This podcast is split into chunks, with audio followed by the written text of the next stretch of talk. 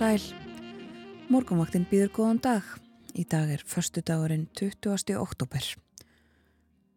Og eins og þölur gatum þá eru umsjónumenn þáttarins í dag Eirún Magnúsdóttir, nýr leðsmaður morgonvaktarinnar og Þórun Elisabeth Bóadóttir. Og við byrjum venju samkvæmt á að líta til veðurs. Lítum á veðrið klukkan 6 í morgun. Það var lítilsáttar rigning í Reykjavík. Suðaustan 9 metrar á sekundu og 9 steg að hiti. Vindur í mestu kveðu 25 metrar á sekundu klukkan 6 í morgun. Hægari vindur á Kvanneri 9 steg að hiti þar og 5 metrar á sekundu. 10 steg að hiti í Stikkishólmi, austan 7 metrar á sekundu. 10 steg að hiti á Patræksfyrði og 10 metrar á sekundu þar líka. 11 steg að hiti í Bólangavík, 7 metrar á sekundu. Austanátt á vestfjörðum. Það var 9 steg að hiti á Holmavík og uh, nokkuð hægur vindur, 10 steg að hiti og allskíjaði litlu ávík, 5 metrar á sekundu þar. Líka 10 steg að hiti á Blönduósi og við Söðanesvita, 9 metrar á sekundu á báðum þessum veður að tjóna stöðum. Og það var skíjað á Akureyri klukkan 6 í morgun, 9 steg að hiti og austanátt 6 metrar á sekundu. En töluvert kvassara í mestu kviðu, 16 metrar. 7 steg að hiti á Húsavík og 7 steg að hiti á Rauvarhöfn, þar voru 8 metrar á sekundu. 8 steg að hiti á Skeltingstöðum og á Egilstöðum, þar var hægur vindur 2 metrar á sekundu og skíjað klukkan 6.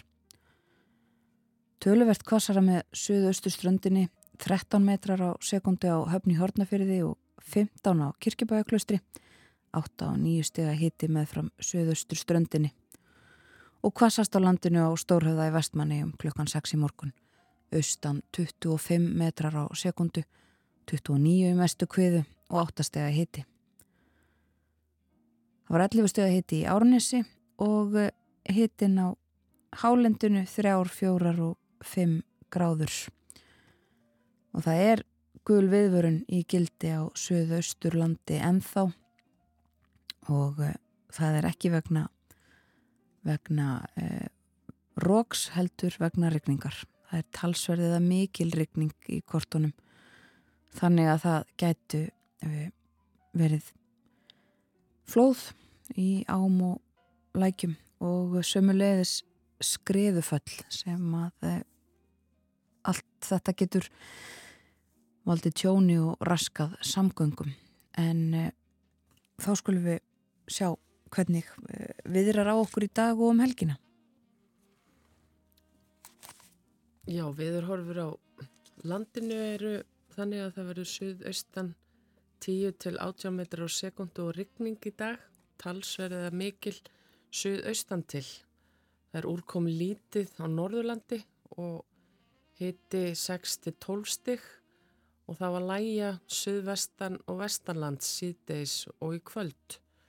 Suðaustan og austan 5-13 og dálitla skúrir á morgun en þurft og bjart á Norðurlandi og hægar í síðdeis heldur kólnandi. Á laugardag verði áfram dálitla skúrir, suðaustan og austan 5-13 metrar á sekundur en lengst af bjart fyrir norðan og híti 3-9 stig. Á sunnudag þá fremur hæg breytileg átt, dáldilregning eða slitta en þurft að kalla á norðaustur og austurlandi og híti á bylnu 0-6 stig og það er væta í kortunum fram eftir viku. Einmitt það.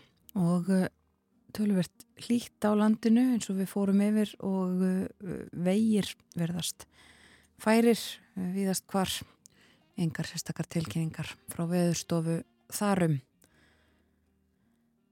Það er ímislegt á dasgrá morgumaktarinnar þennan morgunin. Við ætlum að veltaði fyrir okkur hvað má og hvað má ekki í stríði.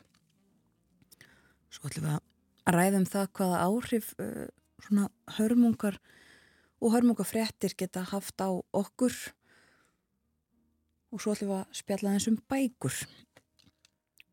Við leikum líka tónlist, eh, lítum í blöð, gömul og ný, ís innlend og erlend og fylgjum ykkur inn í daginn þannig og fáum fyrsta lag þáttarins þennan morgunin. Það heitir It's a Blue World, Ray Eberl. Hlustum á það og leipum svo frettastofinni að.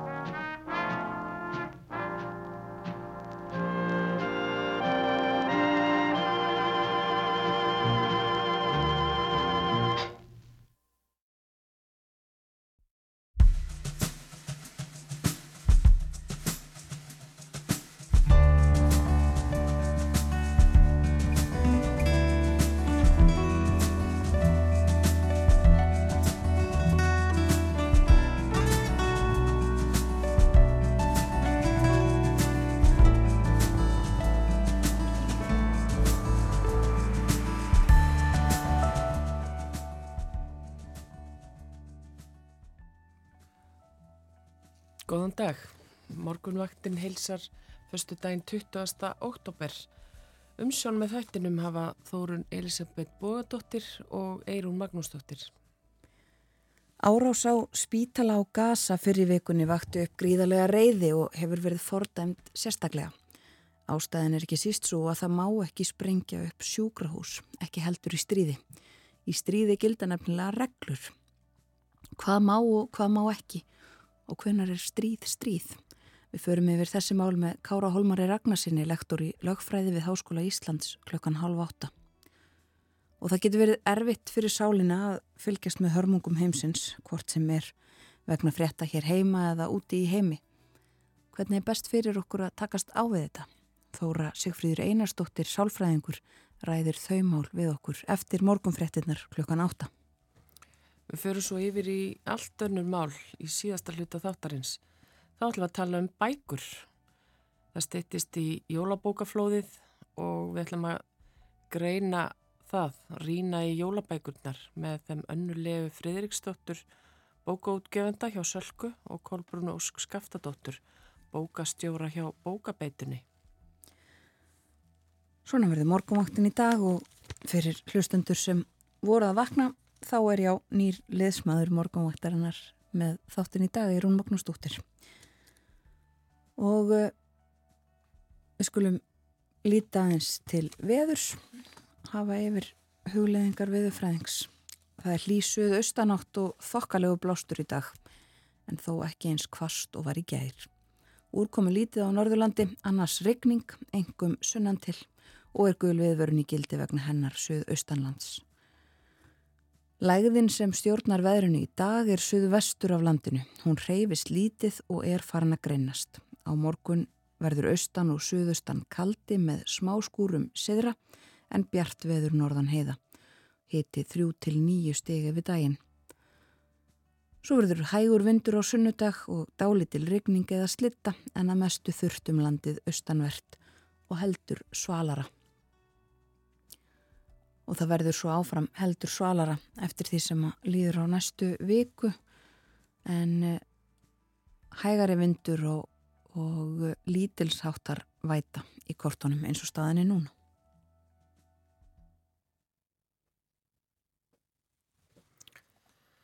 Á fórstíðu morgumblassis er getið um ringslóð, ringborð norðurslóða.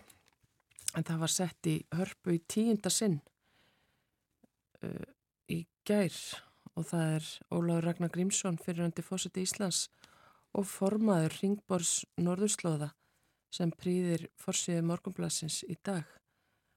Um,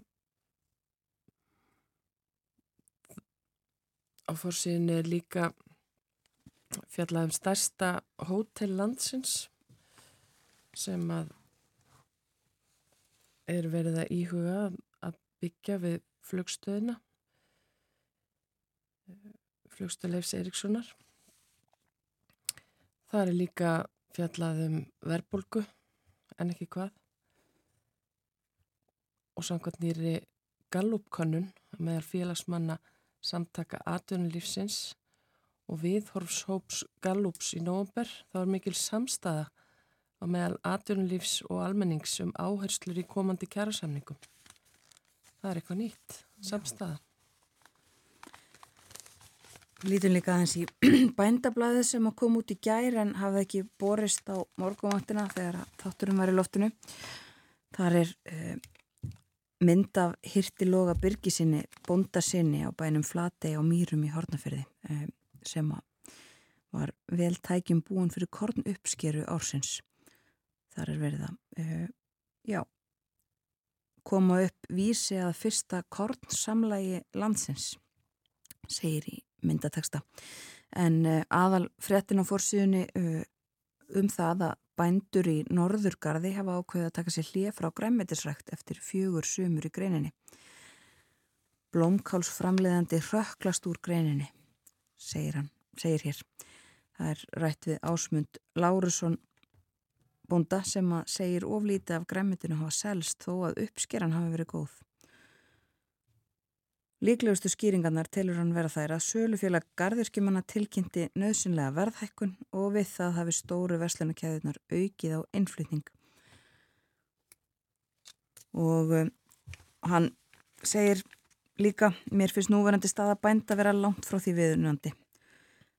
Búið að skera niður stuðning til bænda stöðugt frá því að hann hóf búskap fyrir 28 árum og nú er komið að þölmörkum.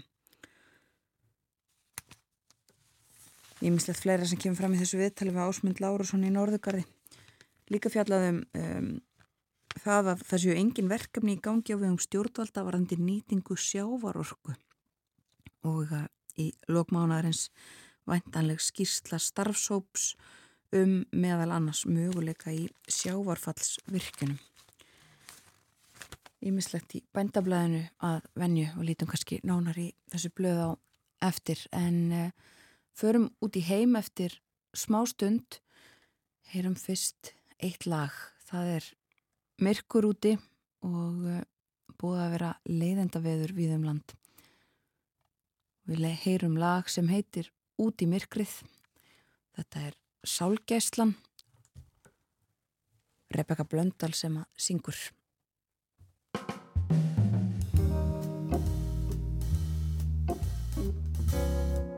Mm-hmm.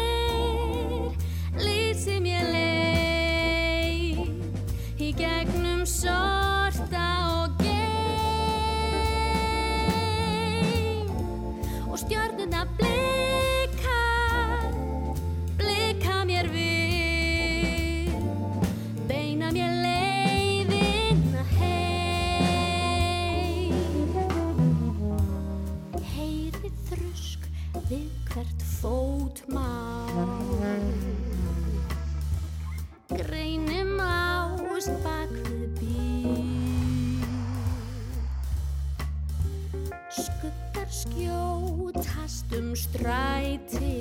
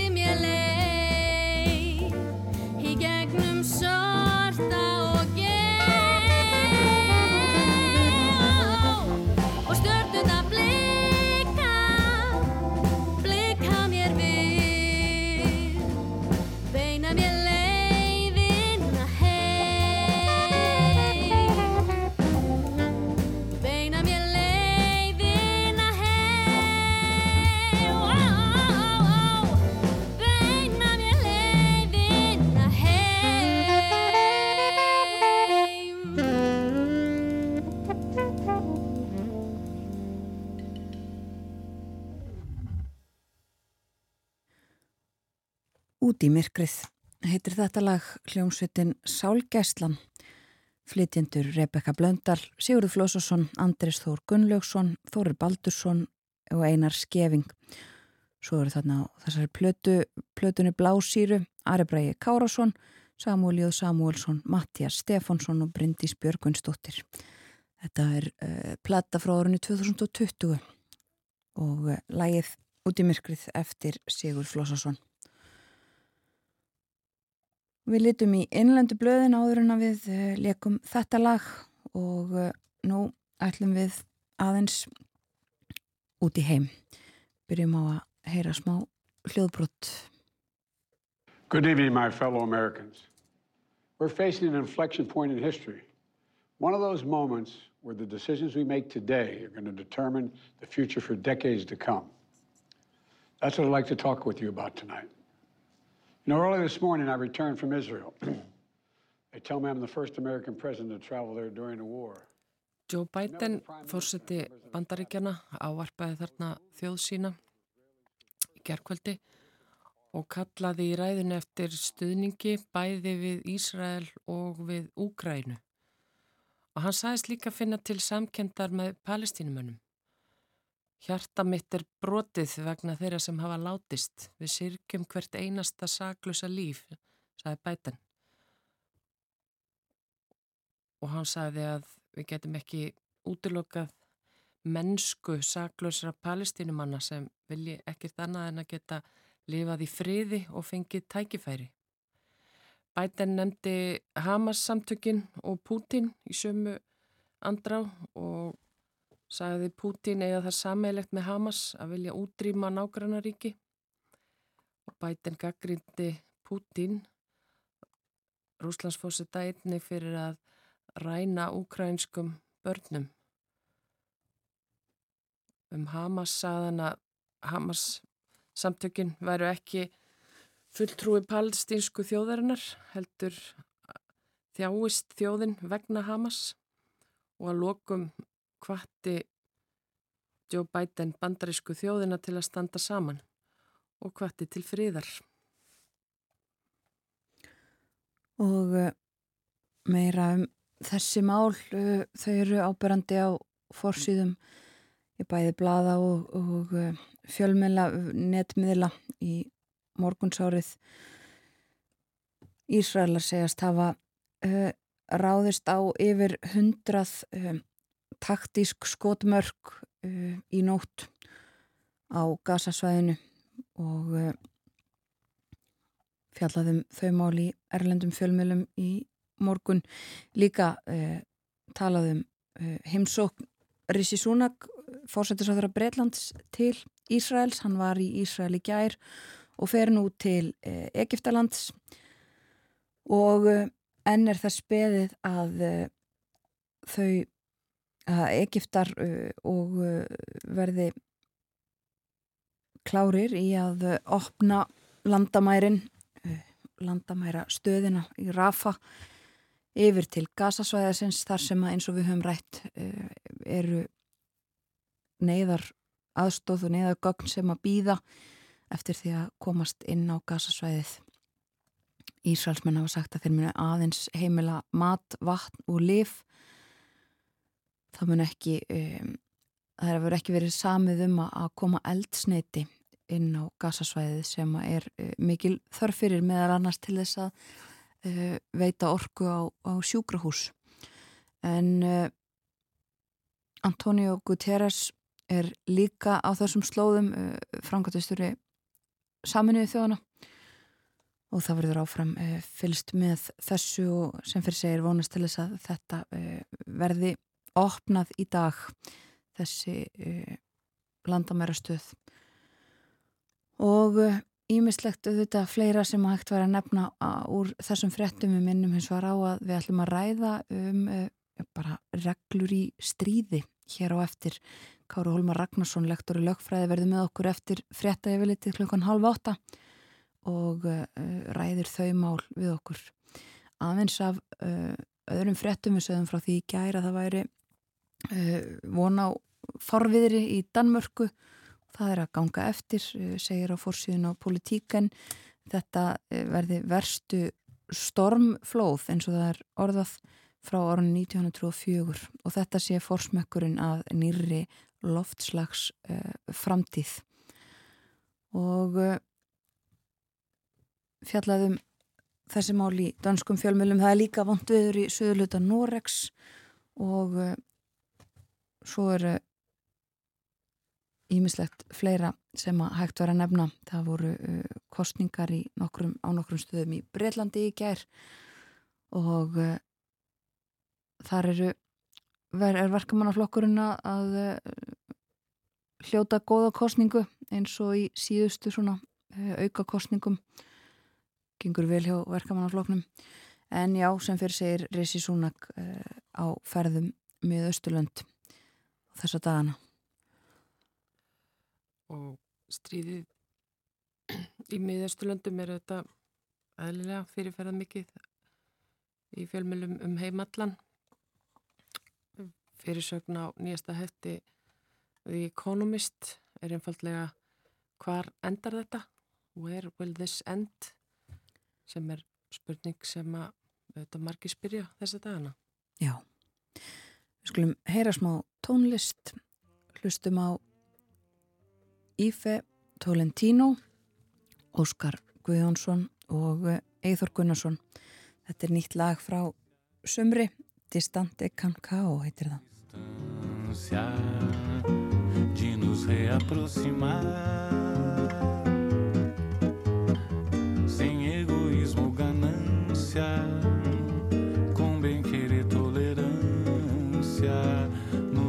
faça juntos cantar,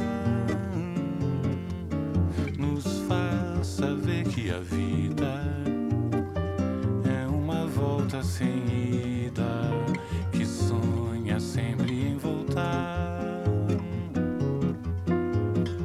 Como volta comovida, uma amizade perdida que a gente sonha encontrar.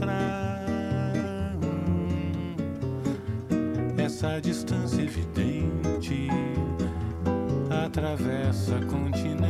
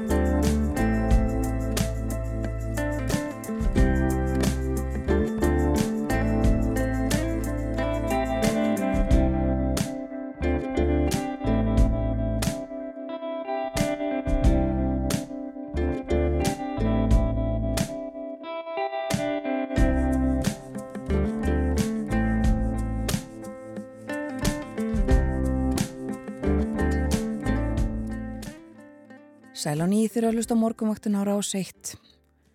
Það er förstu dagur í dag, 20. oktober og klukkanarðin rúmlega hálf átta.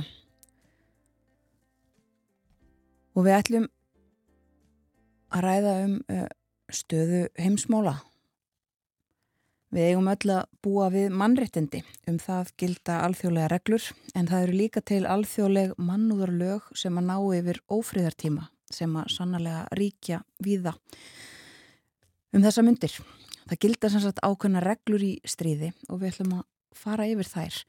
Til okkar er komin Kári Holmar Ragnarsson, lektor við lagadeilt Háskóla Íslands. Góðan dag og velkomin. Góðan daginn. Um, ég kannski bara fyrst opin og stór spurning, hvaða reglur gilda í stríði? Já, það er kannski fyrst ágætt átt að sjá því að það eru hérna, þetta skipta þessi grunninn í tvenn það er annars vegar sem sagt reglur um það hvenar átök teljast lögleg í svona í heilsinni. Þá eru við að tala um hérna, sjálfsvarnar rétt ríkja fyrst og fremst og átök sem eru, eða vopnavald sem er heimilað við örgisæðu saman í þjóðana. Þetta er þessi réttur til stríðs eða, um, eða já, heimil til stríðs. Og hérna síðan er það, það sem við ætlum aðalega að tala um kannski í dag eru, eru það reglur sem gilda á meðan á átökum stendur og þær reglur eru þetta er sem skipt í tvent vegna þess að annars myndi hérna bara rosalega góð ástæði til þess að fara í vopnið átök einhvern veginn eh, helga hvaða meðal sem er. Já. Það er ekki þannig. Það er allir þurfa að hérna sæta þessum reglum um, einföld dæmi er, er hérna, sjálfsvarnar réttur Úkrænu er óumdeldur en Úkræna þarf enga síður að e, já, haga átökunum með þeim hætti að það eru uppfylli þessar reglur sem gilda í styrðisátökum. Ok, og þarna undir er, uh, er sáttmálar eða bara samningar sem að uh, ríki hafa gert? Já, það eru semst kannski aðalega genfarsamningarnir fjórir eh, sem eru líklega meðal eh, ja, útbreytustu samninga í, í heimi, það eru 196 aðaldaríki sem eru næstum í öll ríki heimi og flesta reglurnar í þeim eru líka bindandi sem vennjuréttur þó bindandi þó að þú, sért, þú sem ríki sért ekki aðilega að samningum sjálfum. Þannig að ríki bara einfallega geta ekki komið sér undan hérna þessum, þessum grunnreglum sem gilda um, um vopnátök. Já, og þar eru þessar grunnreglur meðal annars uh, þar sem hefur verið mikil reyði fyrir þessari viku uh, það má til að mynda ekki ráðast á sjúkrahós eða, eða helbreyði starfsfólk. Uh, það er ímislegt svona. Akkurat og það er hérna svona í grunninn er þetta e, meginregla um aðgreiningu, það er að segja greina á milli almennarborgara annars vegar og e, þeirra sem taka þátt í átökunum hins vegar og þá hernaðilegra skotmarka annars vegar og, og almenn ja, skotmarka sem tengist almennum borgunum hins vegar. Mm. og, og það er í, grunninn er þetta einfalt skýrskipting en í, í raunveruleikunum verður þetta kannski aðeins floknara vegna þess að hérna, þessi það er talað um þetta réttarsvið eh, regluna í stríðsátökum sem svona pragmatist réttarsvið um, sem er svona einlega til að útskýra þetta eru auðvitað bara reglur sem eru utanum þá staðir en það er löglegt að drepa fólk sem er alltaf oftast ekki löglegt sko. og stríðsátökin sjálf er ekki ólögleg og þessi, þessi bar, bardagar milli stríðandi fylkingum hvað eru þá að tala um? E, þá eru við þá frekar að tala um hérna einhver takmörk á því og við myndum gagvart almennum borgurum. Og í raunni hverju, það má hugsa um þetta þannig að í hverju einustu árás eigi að fara fram mat e, á því hvort að árásin stennst þessar reglur. E, og þá hérna, verður þetta fljótt svona smáis matskent og spurningin er þá í rauninni hvort að e, eyðing eitthvað skotmarks sé það mikilvægt, sé nöðsynlegt, hernaðarlegt markmið og uh, niðurstaðan sé það mikilvæg að það sé réttlætanlegt og þá getur umlega líka verið réttlætanlegt að, að í þeirri árast falli almenni borgarar. Það er ekki alveg að hrein lína að í stríði samkvæmt þessu reglum einhvern veginn eigi engir almenni borgarar að, að, að falla. Það mun alltaf gerast vegna þess að stríði er hræðilegt. Mm -hmm. um, en, en það er verið að reyna að setja einhverjar setja svona matskenda reglu en hún er svona meðalhófsregla. Sem byggir á því að hernaðarleg eh, markmið eh, séu nógu mikilvæg og árangur séu nógu mikilvægur til þess að þá réttlæta eitthvað mannfall af hálfu almennum borgara. Og hversu mikið það mannfall má vera er þá breytilegt eftir hversu mikilvægt hernaðarlega markmið er. Og þetta þarf að ákveða bara hverja einustu, einustu árás. Ja. og hérna kannski getur við sett bara smá kjöta á, á, á þessi bein svona til að útskýra þetta. Að hérna og það sem er að gerast, eða ætti að vera að gerast allavega til dæmis núna í þessum átökum í, í Palestínu er að e, já, Ísraels er, er að hérna, gera árásir á, uh, á tildengar byggingar það, það sem að herin tilur að, að séu stattir e, leiðtóar Hamas samtleikana þar eru í mörgum tilvökum einnig staðsettir almenni borgarar. Og þá er spurningin hver, hversu mikilvægt er þá að, að mati hérna, þessara her, herri yfirvalda að e, fella þessa einstaklinga? E, hvernig mun það ná hinnum hernaðilegu markmiðum Ísraels? Hversu mikilvæg eru þau markmið? Er ykkur að leiði til þess að gera það setna ég meina ég er ekkert að njóstnum þennan aðila og, og þá hérna svo þessi sagt út bara að drepa hann á morgun þegar hann er einn eitthvað staðar.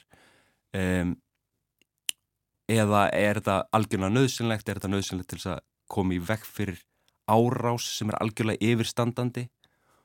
Og eftir því sem það hérna, nöðsynin er meiri og markmið er mikilvægara þá sem þetta verður hérna, hægt að fallast á sangt þessum reglum að, að fleiri almenni borgar að falla. Hvaða, hvaða reglur hafa verið brotnar nú þegar í þessu stríði? Já, það er náttúrulega kannski ekki mitt alveg að segja, hérna það er, getur verið mjög flókið mál eins og mm. kannski kom í ljós núna á þann að þetta er svona smáis uh, eh, matskjant fer eftir, fer rosalega mikið eftir bara nákvæmlega þeim aðstæðar sem eru upp í, í hverju, hverju sinni. Það er líka mjög mikið af um, upplýsingum á ferli sem eru ekki endilega áreðanlegar mm. og hérna uh, þetta mikið svona svona áráðus hérna, eitthvað svona áráðustríði gangi líka sko mm. hérna þannig að við þurfum kannski aðeins að andarólega við því sko en það eru, það hafa komið fram mjög hérna skýrar ásaganir um að hérna e, drápa á almennum borgurum teljist brota þessum reglum e, vegna þess að þau hafi ekki tengsl við hernaðileg markmið, teljist ekki nöðsynleg e, hlutir eins og að e, já, láta sprengjum rigna yfir svæði það sem almenni borgar að búa án einhverja nán, nákvæmra tenginga við hernaðilega markmið, það er klárlega brota á genfarsáttmálunum uh, það að já, fara á milli landsvæða og, og skjóta almenna borgara er svo sannlega líka bannað samkvæmt þessum reglum. Þannig að, að þar eru held ég hérna dæmi sem er mjög líklega hérna svona klárdæmi. Mm. Flóknari dæmin eru kannski þetta þegar hernaðilegs skotmörk og e, skotmörk sem tengjast almennum borgurum eru sko fléttast saman Já. og það er alveg ljóst að það er þannig sem að staðin er á gasa e, hérna vopnir og geimt í byggingum það sem almenni borgar að búa og svo fræmist, þetta er bara svæði sem er líka svo, svo þjætt bílt að það er allt bara á sama stað sko mm. um, þannig þetta er eitthvað síðan er líka ásakanir sem að hérna er rétt að hugsa mjög alveg um og hafa verið í gangi reynda lengi en hvort það sé rétt að, að hugsa um aðgerðir Ísæls hers í samhengi við reglur um hópmorð eða þjóðarmorð hvort að það sé reynlega ásetningur Ísæls hers að, uh, að eigða uh, einstaklingum eða, eða, eða hópum og, og með því annarkvort að, að drepa þá eða hérna reka þá af landsvæðinu. Já.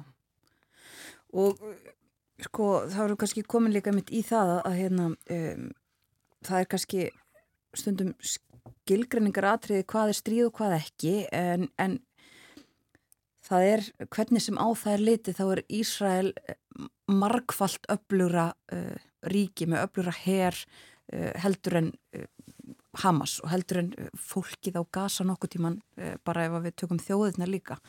Um, þetta hlýtur að koma þarna til álita bara, eða hvað, bara munurinn á aflsmunum Já, ég held að, að þessar reglur uh, með þeim er reynd að, hérna, að fókusa þetta aldrei þraung. Það er aðalega hérna, spurningan að koma upp bara í þessum einstöku tilvikum. Við erum ekki að hugsa um svona stóru myndina, kannski mm. þegar við erum að beita genfarsáttmálunum, heldur kannski frekar einmitt bara hverju, hvert og eitt tilvik innan vopnara átaka sem getur svo sko, tekið náttúrulega mörg ár. En hérna en það er verið að horfa bara á, á þessi, þessi einstöku tilvik. Uh, og í þeim uh, ég kemur margt til álita. Uh, hérna ég, ég, ég tel mig vita til dæmis Ísrael her, hérna, hefur tekið þá afstöðu að, að þessi meðalhósregla sem að þau þurfa að beita varandi einstakar árásir horfi öðru sér við eftir þessar nýjustu, ára, nýjustu árásir frá Hamas Já. vegna þess að hættan á fleiri árásum sé sannlega meiri uh, og þá sé uh, meira aðkallandi að ná þeim hernaðilegu markmiðum að fella fleiri Hamas-liða og af þeirri ástöðu sé meira mannfall almenna borgara ásættalegt. Þegar ég held að það sé nokkuð einn svona sem þetta er hugsað. Já, já. Og sko þetta er uh, eins og segir, þetta er bæði svona uh, það er hann að verða að reyna að beita einhverju meðalhófi og, en, en sko það er samt þannig sagt, eins og þú varst að fara yfir áðan að jafnvel þó að sko Hamas séu ekki neinn viðkjönd stjórnvöld uh, svona almennt séð neinn staðar en Ísrael sé viðkjönd ríki og þá er bara vennjan orðin þannig að það skiptir ekki máli þó að Hamas hafi ekki undirritað einhverja samninga eða samkomlag þeir eru samt og eiga að vera bundnir af þessum reglum, sömur reglum. Já, það er, hérna, það er enda að gera þetta smá greinumennur á milli eh, stríða milli eh, ríkja hmm. sem myndi þú vera eins og hérna Rúsland og Úgræna og svo þetta sem er, er, er enda deilt um það, hvort að það er að horfa á Ísæl og Palestínu sem viðvarandi átök milli tveggja ríkja eða það sem að, hérna, eru átök sem eru ekki af þeim með, það er allt annað.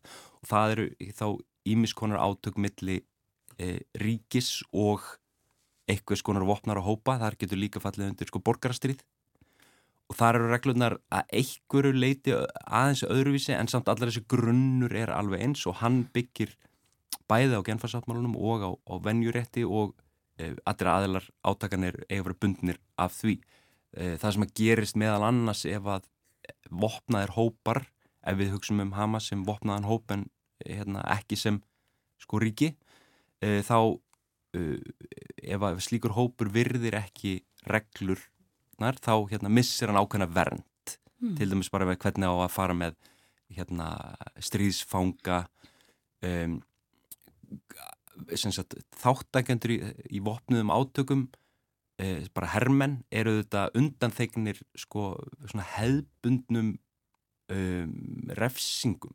Já, þegar hermaður fer og drefur eitthvað þá er það löglegt sko, það er ekki morð eins og það verður venjulega.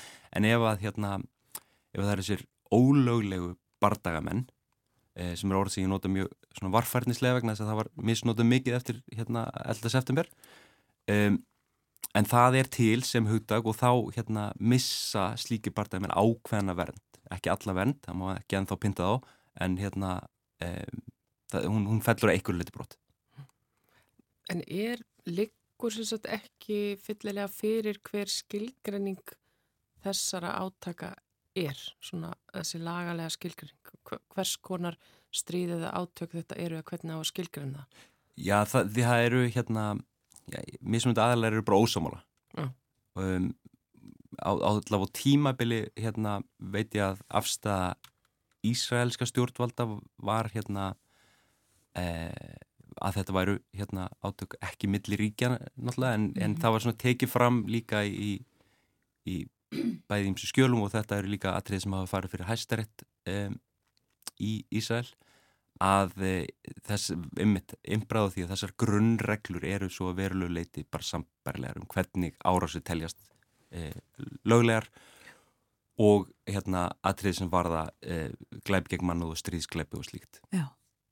Og uh, sko Palestína hefur verið viðkjönd sem aðili til dæmis að alþjóða sakamáladónstólum sem að er svona apparati sem að tekur fyrir svona mál, er það ekki?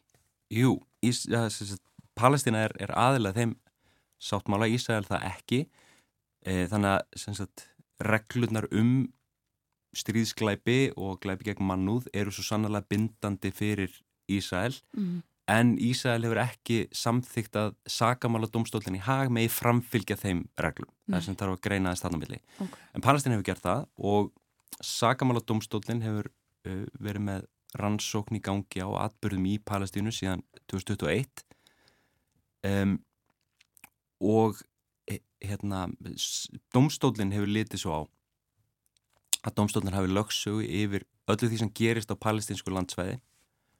Uh, það ávið um það sem að palestinski ríkisborgar að gera svo sannlega uh, en líka aðrir. Þannig að aðgerir Ísraelskra ríkisborgara í Palestínu falla að mati domstólsins undir lögsögu domstólsins mm -hmm.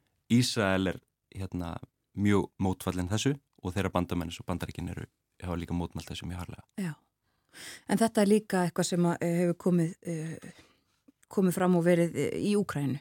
Það Já, það er ennum sama staða. Úkræn hefur samþygt aðkomið domstólsins, Rúsland hefur ekki gert á, er ekki aðalega að samningnum mm -hmm. um, og, og domstólinn hefur haldið áfram á þeim grundvelli og, og e, nú eru rauninni rannsakendur frá sakamála domstólum eru stattir í eða hafa verið statir í Úkrænu að rannsaka þær ásakana sem hafa komið þar fram um, um þessa, þessa glæpi. Mm. E, þessi, nú erum við að færa okkur yfir í sko einstaklingsbundna ábyrð sem er hérna mest að þessum þjóðarættarreglum snýstöðu um ábyrð ríkja Já. sem slíkra. E, en hér eru við að, að færa okkur yfir það að það séu einstaklingar sem að geta verið settir í fangilsi fyrir að fremja strískleipi. Já.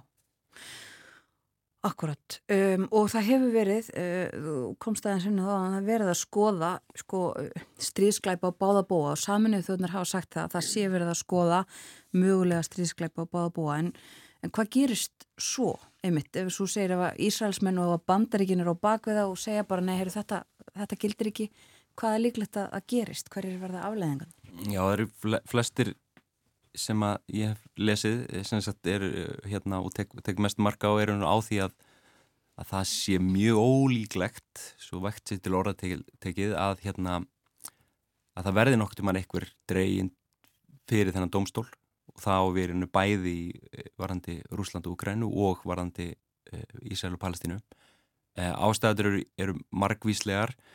Það er hérna það eru eh, sko, heimildir stómstólsins til þess að ná í fólk eru mjög takmarkaðar. Mm -hmm. það er hérna enginn sem að fer frá sakamaldómstólum í Hag labbarinn í Ísrael og handtekur einhverja hersöðingja, það er ekki það sem að gerist. E, það sem að domstólinn getur gert til þess að koma sakbortningum fyrir réttin er raun að gera út, út handtökuskipun sem gildir þá í öllum aðeldaríkjum e, Rómarsáttmálans sem Ísland er aðalað og, og mjög mörgur ekki og það hefur enda verið gert meiri segja gagvart eh, Putin, Rúslands fórseta það er hérna, virk handtökuskipun sem, sem er á hendur honum eh, sem að veldur honum held ég kannski einhverjum vandræðum.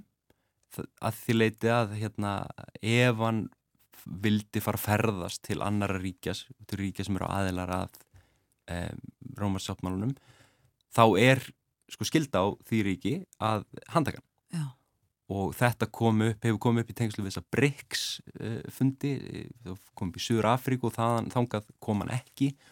Og nú hefur uh, verið gefið út í Brasilíu að ef að Putin myndi vilja koma á slíkan fund þar þá myndi Brasilíu ekki uh, framkvæma þessa handtökuskjöfun og þarna eru við þetta komin á bara að, að þeirri staðir enda að þessi þjóðarættarreglur eru vissulega lögfræði en eru svo ótrúlega nátengdar þessari geopolítík að við þurfum að átt okkur á því að þetta er ekkit alveg eins og bara hérna reglur íslenskar sakamálaréttar farst það sem að er bara löggan gerir bara það sem hann á að gera og þetta eru glæði með það. Æ. Þetta er talsveit mikið flóknara.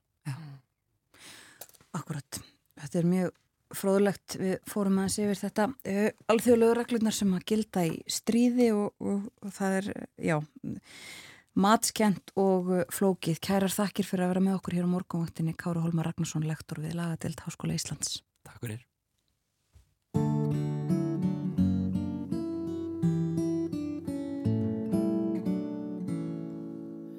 eins og túnskins ljóð sem blærin ber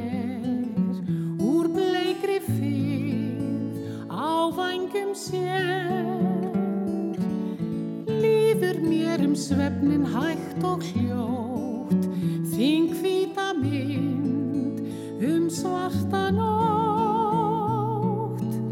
Kanski var það draumur sem ég gat ekki gleimt En eitt er víst að síðan er í hjarta mínu reynd Dvelst mér bak við hljóð og horfin ár Við hvítan seið og dökkar brár. Og hendi það mig aftur að horfi í augun blá. Ég heiti því að standast aldrei framar töfra þá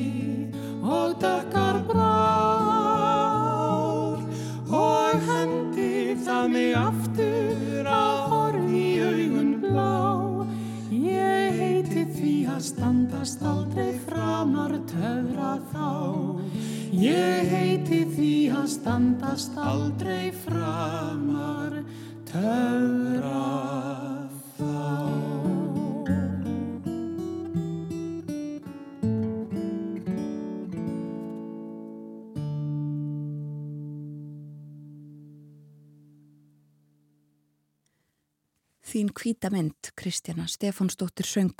Leikum þetta eftir spjallokkar við Kára Holmar Ragnarsson, lektor við Lagadelt Háskóla Íslands. Töluðum um það hvað má og hvað má ekki í stríði og hvenar er stríð stríð. Fórum við yfir þetta bæði í tengslum við uh, stöðumála á uh, Gazasvæðinu og Ísrael og líka Úkrænu, einrás rúsa þar. Við förum að leipa fréttastofinni að. Að líður að morgun fréttum þær koma á slæginu átta. Að þeim loknum ætlum við að ræða um uh, það hvernig við getum tekist á við uh, sálræn áhrif svona hörmungar frétta eins og dinja á okkur daglega og ofta dag þess að dagana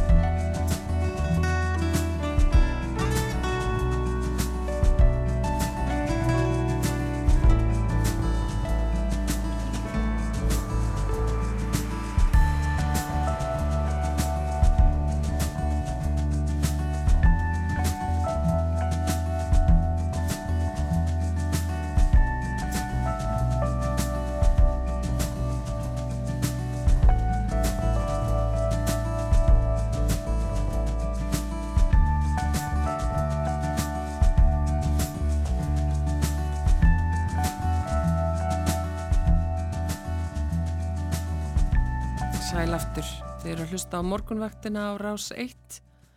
Klukkan er um 6 mínútu gengin í nýju og í síðasta hluta þáttarins ætlum við að fjalla um bækur.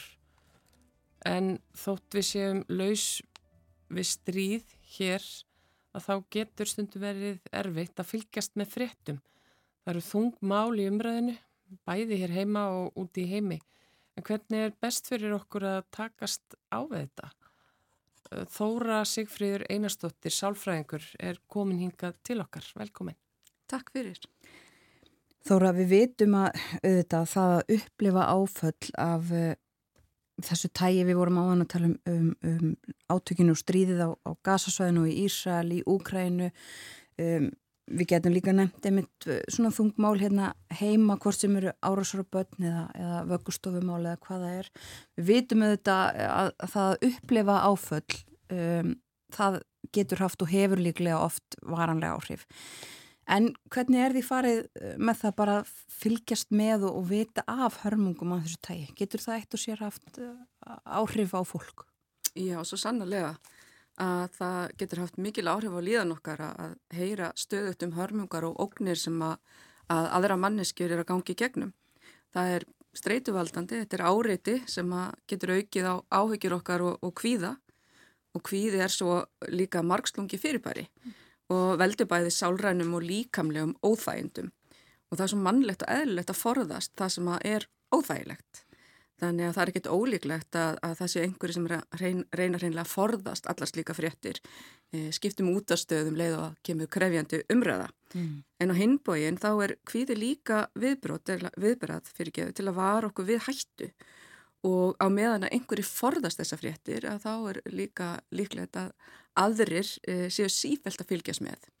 Og ef að við erum hrætt við eitthvað að þá e, beinist aðtiklin okkar þang, þangað þannig að ef að ef við höfum til dæmis erum hrætt við náttúrhanfarir eins og núna í fréttum rétt áðana þá það að tala um gula viðvörun og, og hætta á skriðuföllum að það er ekkit ólíklegt að þeir sem hafa upplifað eitthvað slíkt að þeir taki sérstaklega eftir slíkum fréttum. Og þetta eru þetta bara svona tveir pólar annars vegar það að forðast algjörlega fréttaflutning og hins vegar það að geta varla uh, litið af uh, tölfunni og fjölmjölum Já En þá er líka bara ágætt að hafa í huga að, að eðli fjölmila er að flytja okkur fréttir af hennu óvinnulega. E, því sem er fréttnæmt eins og bara stríð og náttúrhanfarir, líkamsárasir og annað slíkt. Þetta eru auðvitað bara dæmi um atbyrði og hegðun sem að skera sig frá hennu venjulega. Já. Og þetta er ekki atbyrðir sem eru hluti af okkar daglega lífi. En að því að við heyrum svo mikið af þessu að þá er ákveðin hætta á að við fáum svona svolítið skekta mynd af heiminum að okkur finnist hann vera hættulegri og hræðilegri heldur en hann er í raun og veru. Já, ymmit og fólk skiptist þess að í þessar fylkingar en er ekki eitthvað svona, svo líka fólk í miðjunni svona sem að uh, lætur þetta ekki hafa neitt ofmikið áhrif á sig? Jú, svo sannarlega og það er alltaf best eins og gildi meðal vegur að, að ekki forðastlutin algjörlega og heldur ekki láta á að gleipa sig alveg. Mm -hmm.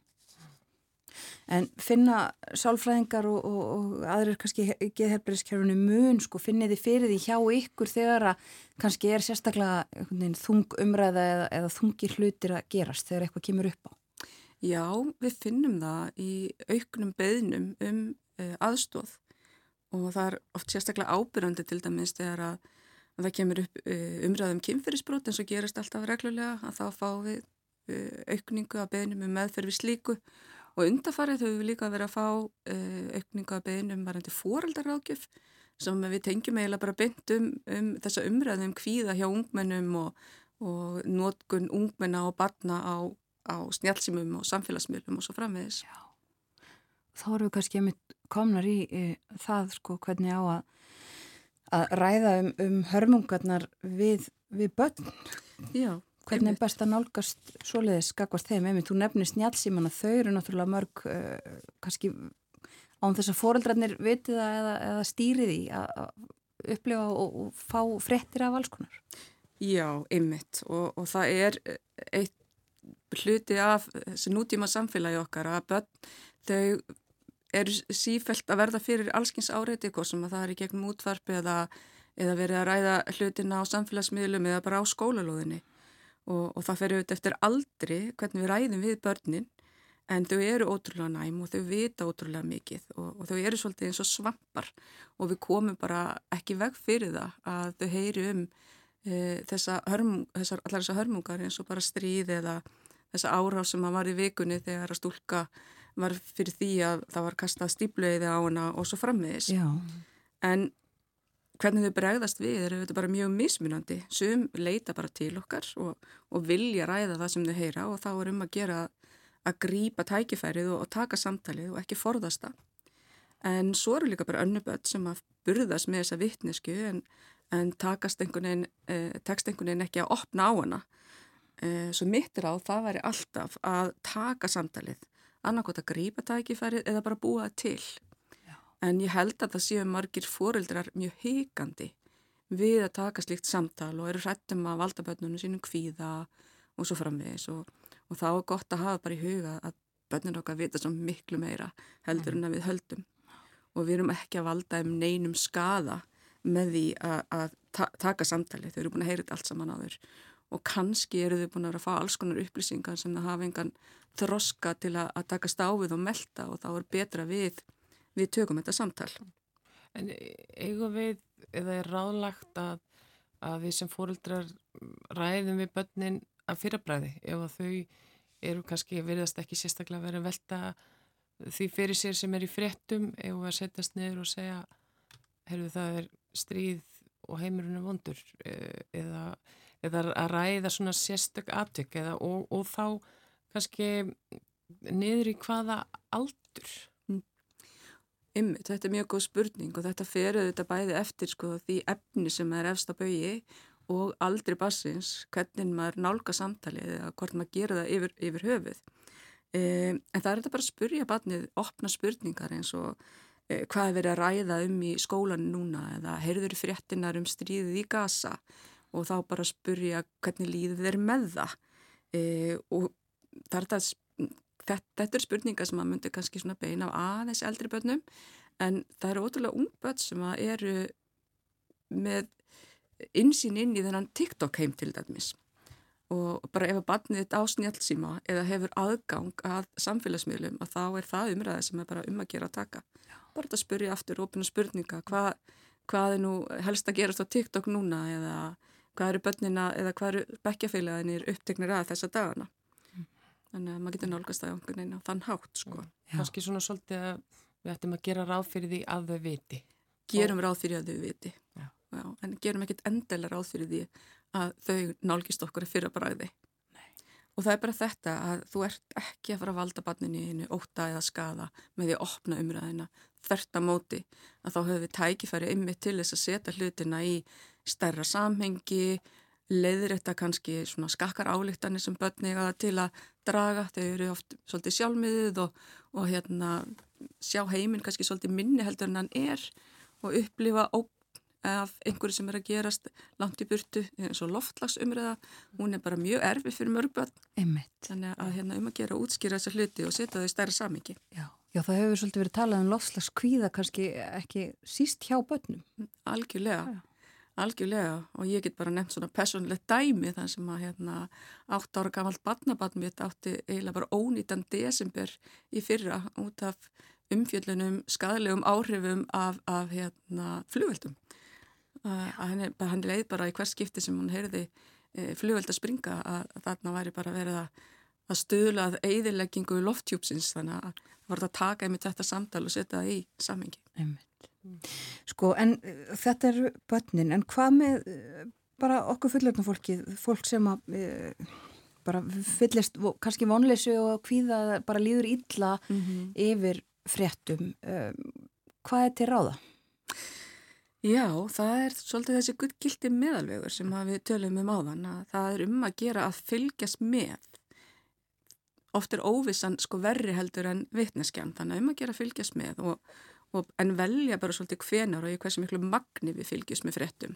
Og fyrir flesta er alveg nóg að gera það bara eins og til tvissar á dag. E, en það eru auðvitað mis erfitt fyrir fólk að fylgja þessu fyrir suma þá eins og við erum með marga flótamenn hérna frá Úgrænu og svo framvegi sem að e, hafa bara mjög mikla þörf fyrir að fylgjast með öllum þeim fréttum sem að þau geta fundið um, um stríðið í heimalandinu sínu mm. og e, ef að maður er einhver staðar á þessum stað þá reynir maður að ráleika fólki að aðeins ég segja takmarka e, þann tíma sem að maður eigðir í, í þennan fréttaflutning og, og líka kannski veltaði fyrir sér hvar maður leitar upplýsinga að því að fjölmjöla fjallaðu þetta um sömu atbyrða mjög ólíkan hátt. Sumir fjölmjölar segja frá e, kannski stríðuna á svona mjög svona hlutlössan hátt og bara flytja okkur fréttir af atbyrðarásinni á meðan aðrir er að höfða mjög mikið til tilfinninga þannig að það er hægt að velta í fyrir sér skort að, að mismunandi fjöl, fjölmjölar hafi mismunandi áhrif á okkur Já.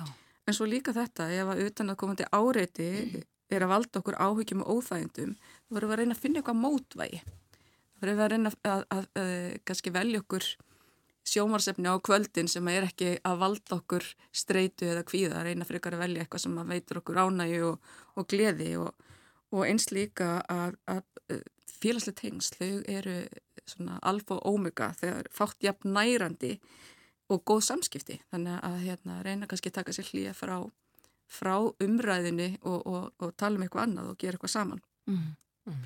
Já, þú nefnir einmitt þetta með fréttaflutningin uh, sko Svo eru einhverju sem myndur segja, sko, af fréttum að dæma getur maður haldið að heimurinn væri bara að fara til fjandans en, en svo kannski aðrið sem segja að hann hefur líklega aldrei verið skári en, en við bara vitum svo mikið, við fáum svo mikið magna af upplýsingum.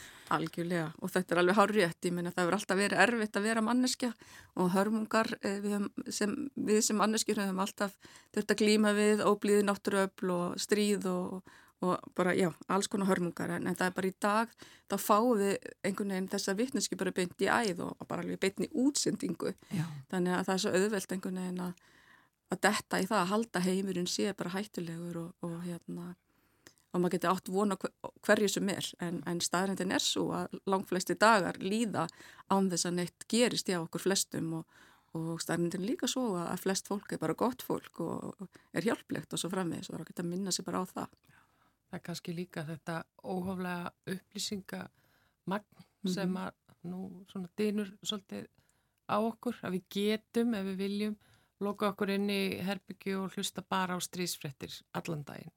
En það er kannski ekki sérstaklega meld með því en maður, það er alveg hægt að búa sér til þannig helli og, og hérna en þetta er kannski alltaf eins og segir spurningum eitthvað eitthvað meðalveg. Mm -hmm. en getur uh, komið upp svo staða að þú bara sem sálfræðingum myndir ráðlega einhverjum að, að bara loka fyrir allt, segja bara, heyrðu, bara bara gangutúr og sleftu því bara fylgjast með fjölmjölum í einhvern ekst tíma.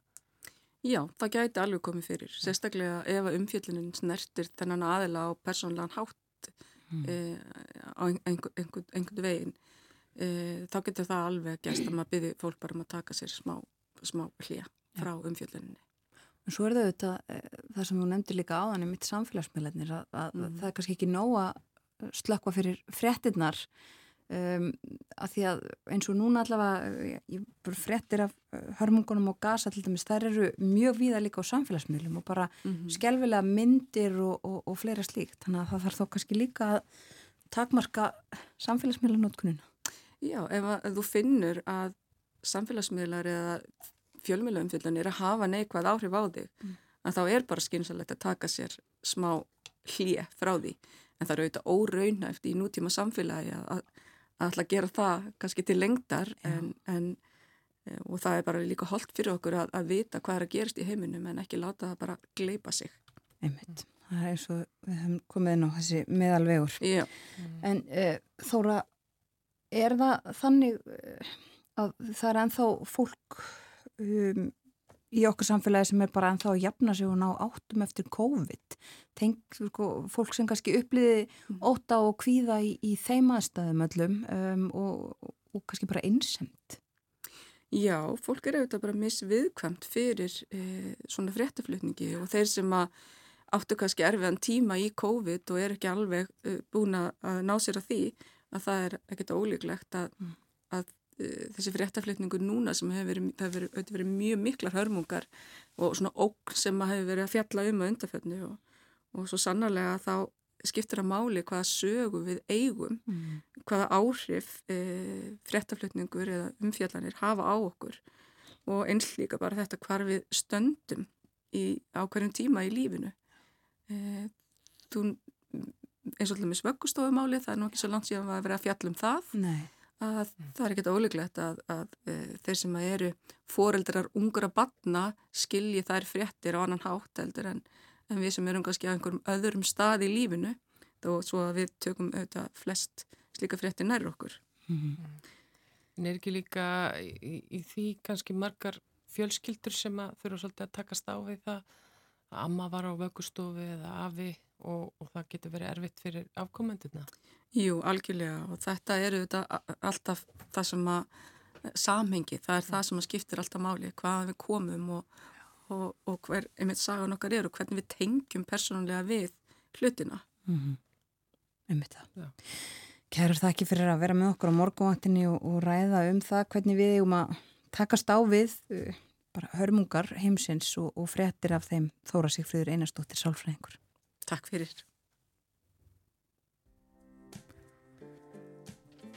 Við förum að hleypa fréttastofunni að það líður að yfirleiti morgun frétta. Það eh, kemur á slæginu hálf nýju. En eh, eftir það þá ætlum við að tala um bækur. Já, við ætlum að tala um bækur.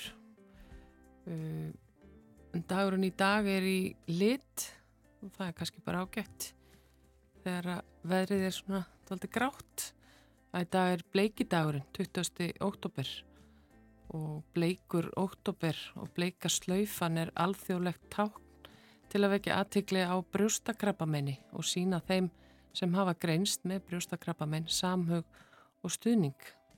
Og þetta er algengasta krappamenn hjá konum. Og hvað er þess við að, að fólk sé í bleiku? Já. En á Íslandi greinast um það byrj 260 konur á ári og tveir karlar með brjóstakrappamein. En sem betur fyrir eru horfurnar almennt góðar. En bleikur, bleikidagurinn er og þessi bleiki oktober á að minna okkur á að því fyrr sem að þetta uppkvötast því minni líkur eru á að meinið hafi alvarlegar afleðingar og þess vegna eru þeir sem að að eru í heilbreyðis þjónustunni hvetja til þess að konur fari í skimun og að fólk almennt fylgir svolítið með sér og, og, og svona veiti því aðtikli eða upplifir einhverjar breytingar og, og leiti þá til læknis. Ég veit, það er tilgangur með öllu þessu árverkni átæki, það má ekki gleymast. Já.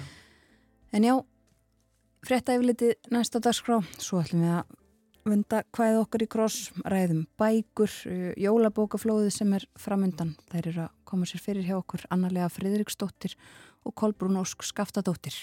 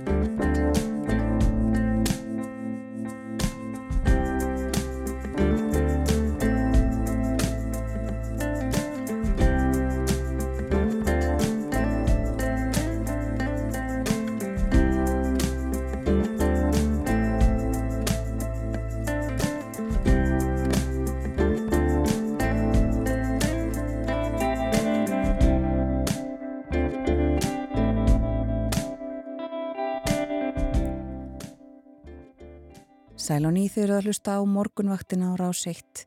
Klukkanorðin leðilega hálf nýju, það er förstu dagur í dag og eh, síðasti hluti þáttarins framundan, bæði í dag og þessa vikuna.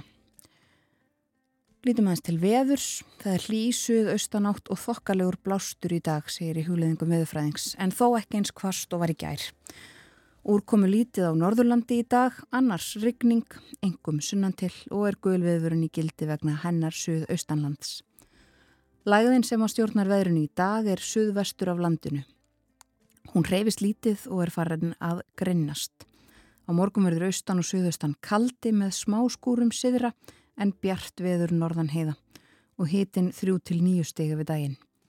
Á sunnudag hægur vindur og dálítil regning eða slitta en að mestu þurft um landið austanvert og heldur svalara hitin þá á bylnu 0 til 6 steg.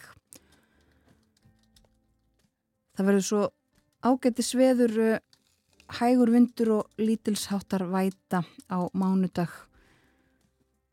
Svo smá skúrir áfram þriðu dag og miðugudag og það er áfram svona aðeins kaldara heldur en í dag og síðustu daga.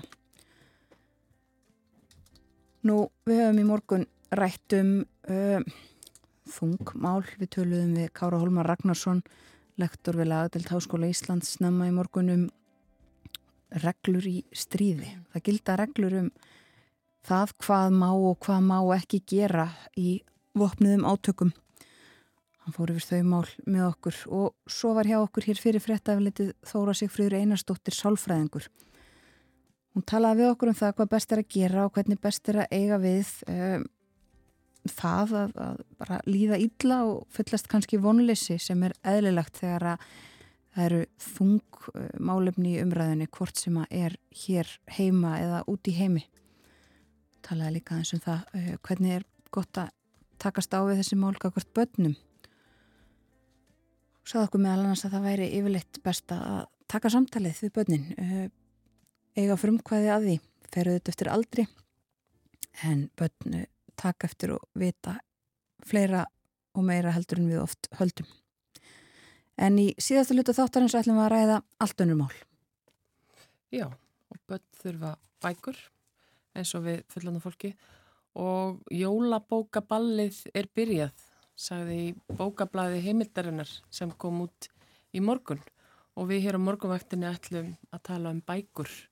Það eru okkur oft hugleiknar á þessum árstíma og mörg býða spennt eftir að sjá hvaða titlar dúka upp fyrir jólinn. Og hinga til okkar eru komnar þær Anna Lea Fridriksdóttir, bókaútgefandi hjá Sölku og Kolbrún Ósk Skaftadóttir, bókastjóri hjá Bókabeitunni. Velkomnar. Takk fyrir. Jólabækurnar svona ímist nýkomnar í búðir eða rétt ókomnar kannski uh, er margt spennandi í vændum á svona þessari vertíð sem er framöndan. Já, ég myndi segja það. Alveg hellingur bara, eins og hverjum, hverja ári eiginlega bara. Við erum ógeðslega góði að gefa út bækur, sko. Íslendingar. Er eitthvað sem að einkennir svona þetta tiltekna flóð? Já, uh, það er mjög stert skáldsagna ár í ár. Það er með fjöldi frum útgefana skáldverka. Uh, það er á móti samdráttur í útgáfu þýttra skáldverka en þar koma ástasöguna sterkarinn, þær eru að hérna, aukast allverulega sem er jákvægt í ljósi þess að við erum að tala um stríð og alls konar, við viljum kannski lesa bara svolítið um ástina, ekki bara krimma, þó við seljum alltaf vel að krimmum líka. Þannig að já, það er svona já. það sem er að frétta. Mér finnst líka eins og skáldsagna höfundan svolítið að vinna með að fara svolítið aftur í tíman, eru hérna, að vinna með söguleg efni og sögulegar personur sem er kannski eitthvað sem fólk gerir þegar nútíminn er svolítið ómögulegur þá ferður svolítið aftur og við það er, mér síndist að vera svona já, það er svona eina svona síðan síð sem að mér finnst margar skaldsagnuna eða sameigilegt núna. Fólk er að leita aftur, aftur í tíman sko, allt bara til vikingaaldar og, og, og svo ég held að einar einar káraði með á sko, 1925 gerist hans, þetta er svolítið svona minnst það svolítið svona kannski eitthvað þema. Já, það eru rosa vinsaldir í svona sögulegum skaldsögum bæði þýttum og, ísl og íslenskum Já, sko. kannski leitast, leitar aftur og við til að útskýra eitthvað í samtímanum, ég veit það ekki. Það er að gera upp fortíðina. Já. Já. En bækur geta verið á svona ímiskona formi, við erum með prentar bækur uh, og svo eru margi sem að kjósa bara að hlusta og nota hljóðbækur. Mhm. Eru allar bækur sem eru prentar líka gefnar út sem hljóðbækur? Nei, Nei, alls alls ekki. Þa, það fer bara rosa mikið eftir höfundum, útgefendum, þú veist, það er allur gangur en nei, það er ekki allar bækur sem kom út í brendi sem að fara yfir í hljóðbók, sko. Nei, og alls ekki kannski þá á sama tíma svo eru oft með þýttabækur þá stórar útgáfur út í heimi eru búin að taka fyrir að, að bækur þeirra séu settar inn í streymi þannig að þú kaupir þýðingarétt þá máttu ekki setja bóki í, í streymisveitu heldur mátt bara gefa hann út á eins og til dæmis otobólvirkar eða, eða hvernig sem það er sko. En eru þá, ef við getum talað um hljóðbóka jólin, eru þau ólík prentbóka jólunum? Já, þau er alltaf svolítið eftir prentbókajólunum, þú veist, það er kannski nýju bækunar fyrra eru kannski vinsælar og hljóðbóki ár Mm. þó það kom út líka fullt af nýjum bókum veist, þar sem að leifin eru gefin til það, veist, það er alveg til fullt af nýjum bókum á, á hljóðbók sem kom út á sama tíma og það er alltaf vinsælustu bækunar í hljóðbók þessar sem eru nýjastar sko. Já, það er svolítið fyndið að fletta kannski bókatíðindum eða þau eru náttúrulega á netinu núna en koma svo prentu líka en þá sérðu sko nýjar bækur sem að maður svona býta, hæ, er þessi ný? Já, þetta er veist Já, að- já, einmitt.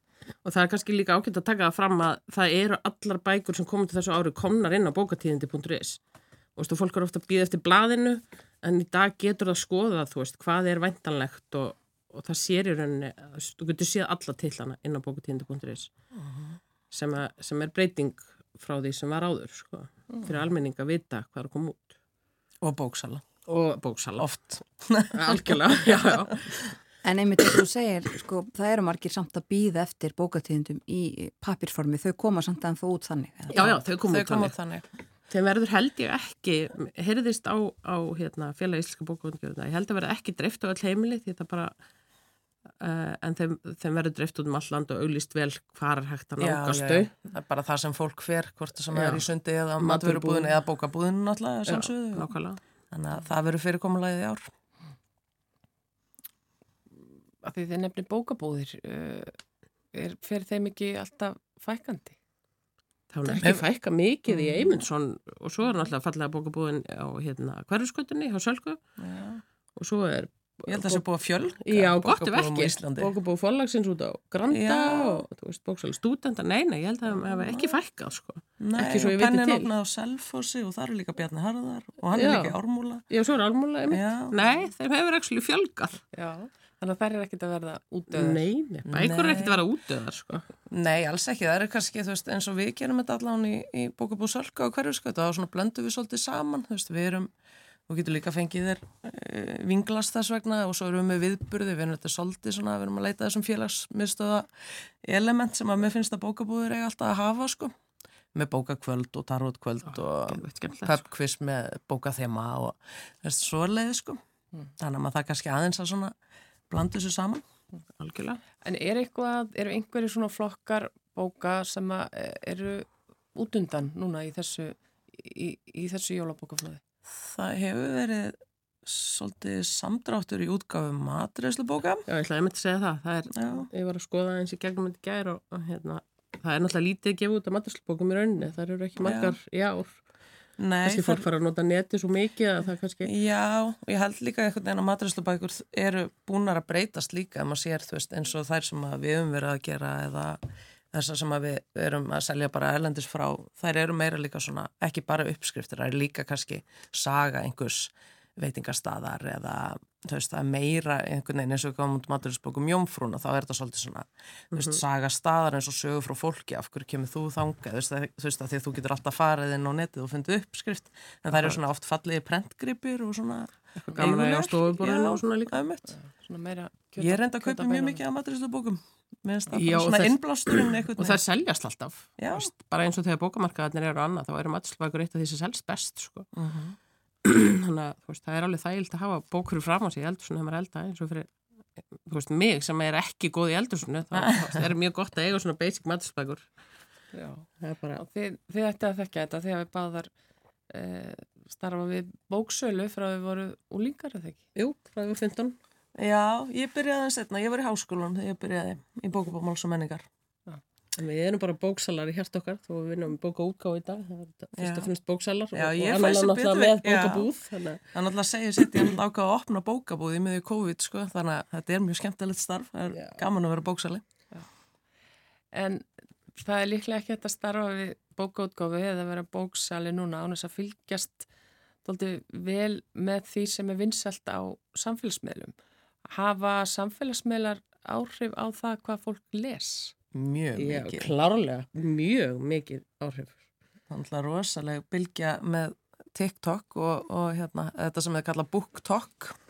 Já, þar eru, eru mitt svona höfundar og við vorum um að tala um vannarlega áðan þáttur um byrjaði að það vantar svolítið, það vantar romantík fyrir úlinga þú veist þetta, það er einhvern veginn það er ekki margir sem hafa verið í því og, og til dæmis kom Colin Hoover út með bók og úlingar að lesa hana þegar sjá hana TikTok, hún er ekki fyrir úlinga, hún er fullorinsbók en þau eru að sækja í þetta að þau sjá þetta TikTok og Colin Hoover er eina af þessum höfundum sem varð fræg út af TikTok sko. Mhm. Þú veist, hún gaf fyrstu bókinu út 2012 og seldi ákveðlega en svo kom Ends With Us eða þessu líkur hér út 2021 held ég og mók seldist það því hún fór á TikTok sko.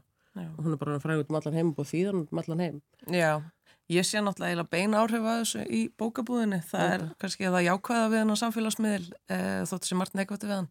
En það er að það koma sérstaklega ungar stelpur endar í bara stórum hópum og eru bara að kaupa sér bækur.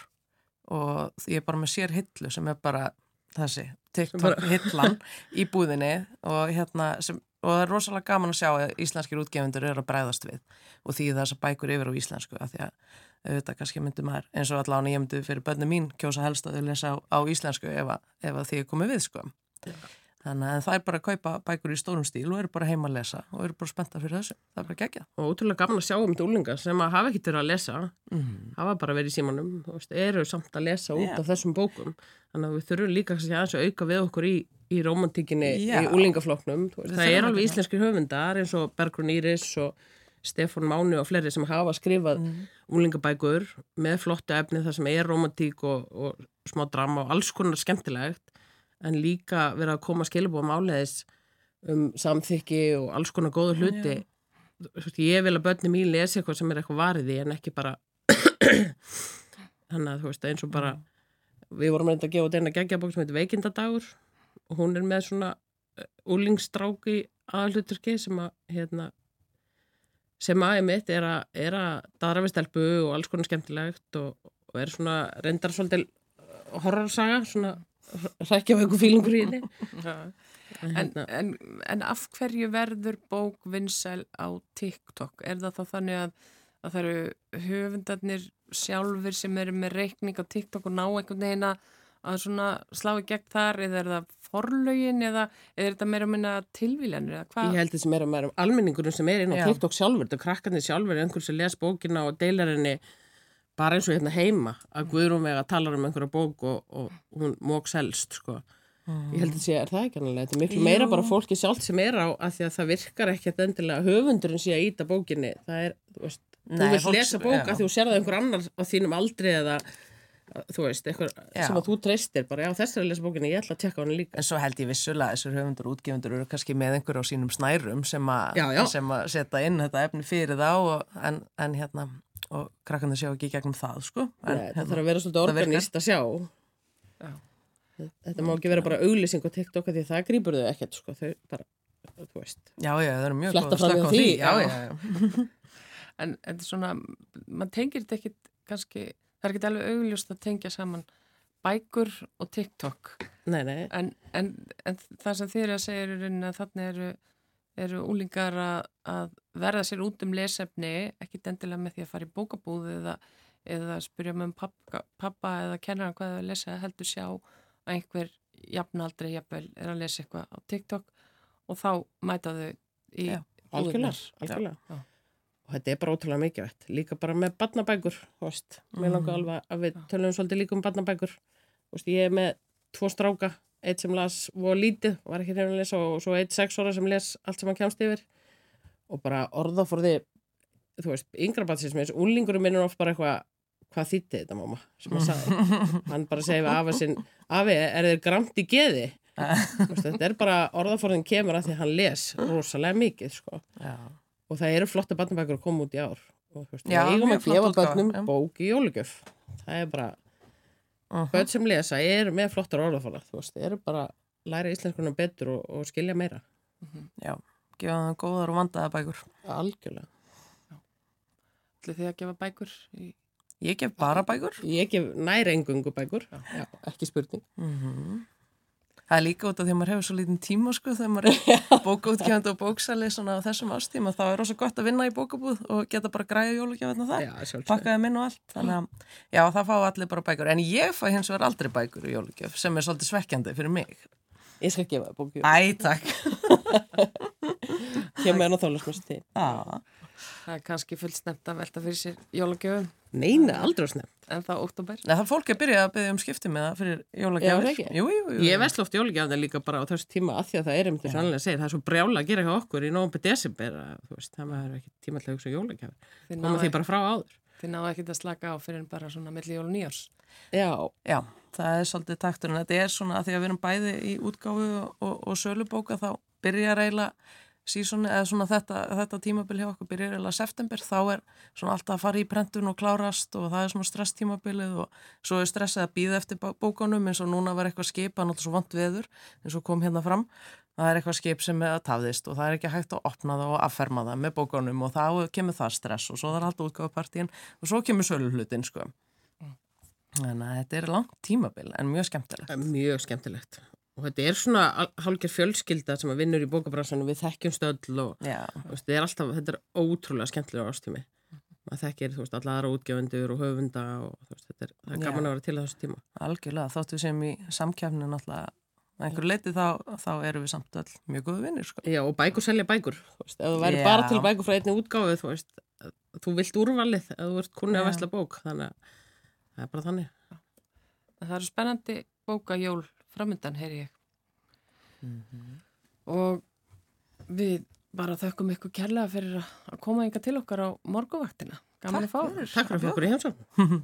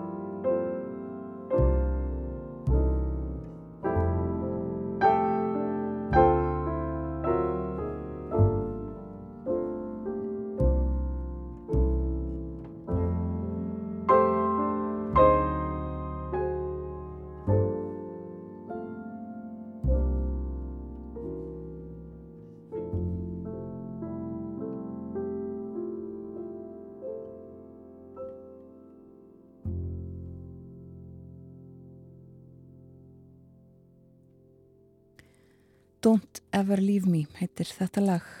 Charlie Hayden eða Hatten við kynna ég þekki ekki alveg framburinn á þessu.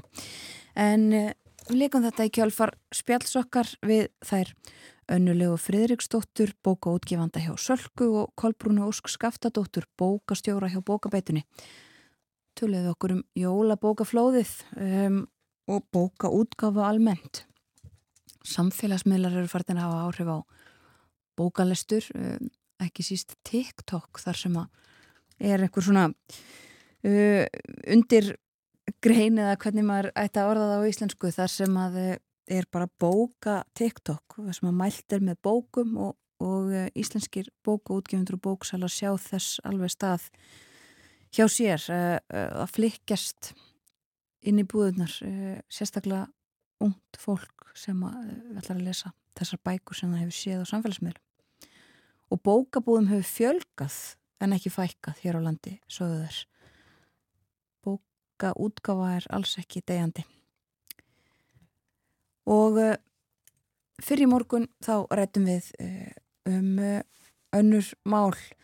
Hjá okkur var Þóra Sigfríður Einarstóttir Sálfræðingur, hún fór aðeins yfir það með okkur hvernig er hægt að takast á við erfiðar fréttir þunga umræðu eins og er áberandi þessa dagana hvort sem að er í fréttum hér heima eða utan úr heimi.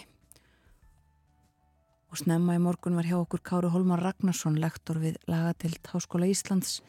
Hann fór yfir það hvaða uh, reglur gilda í stríði.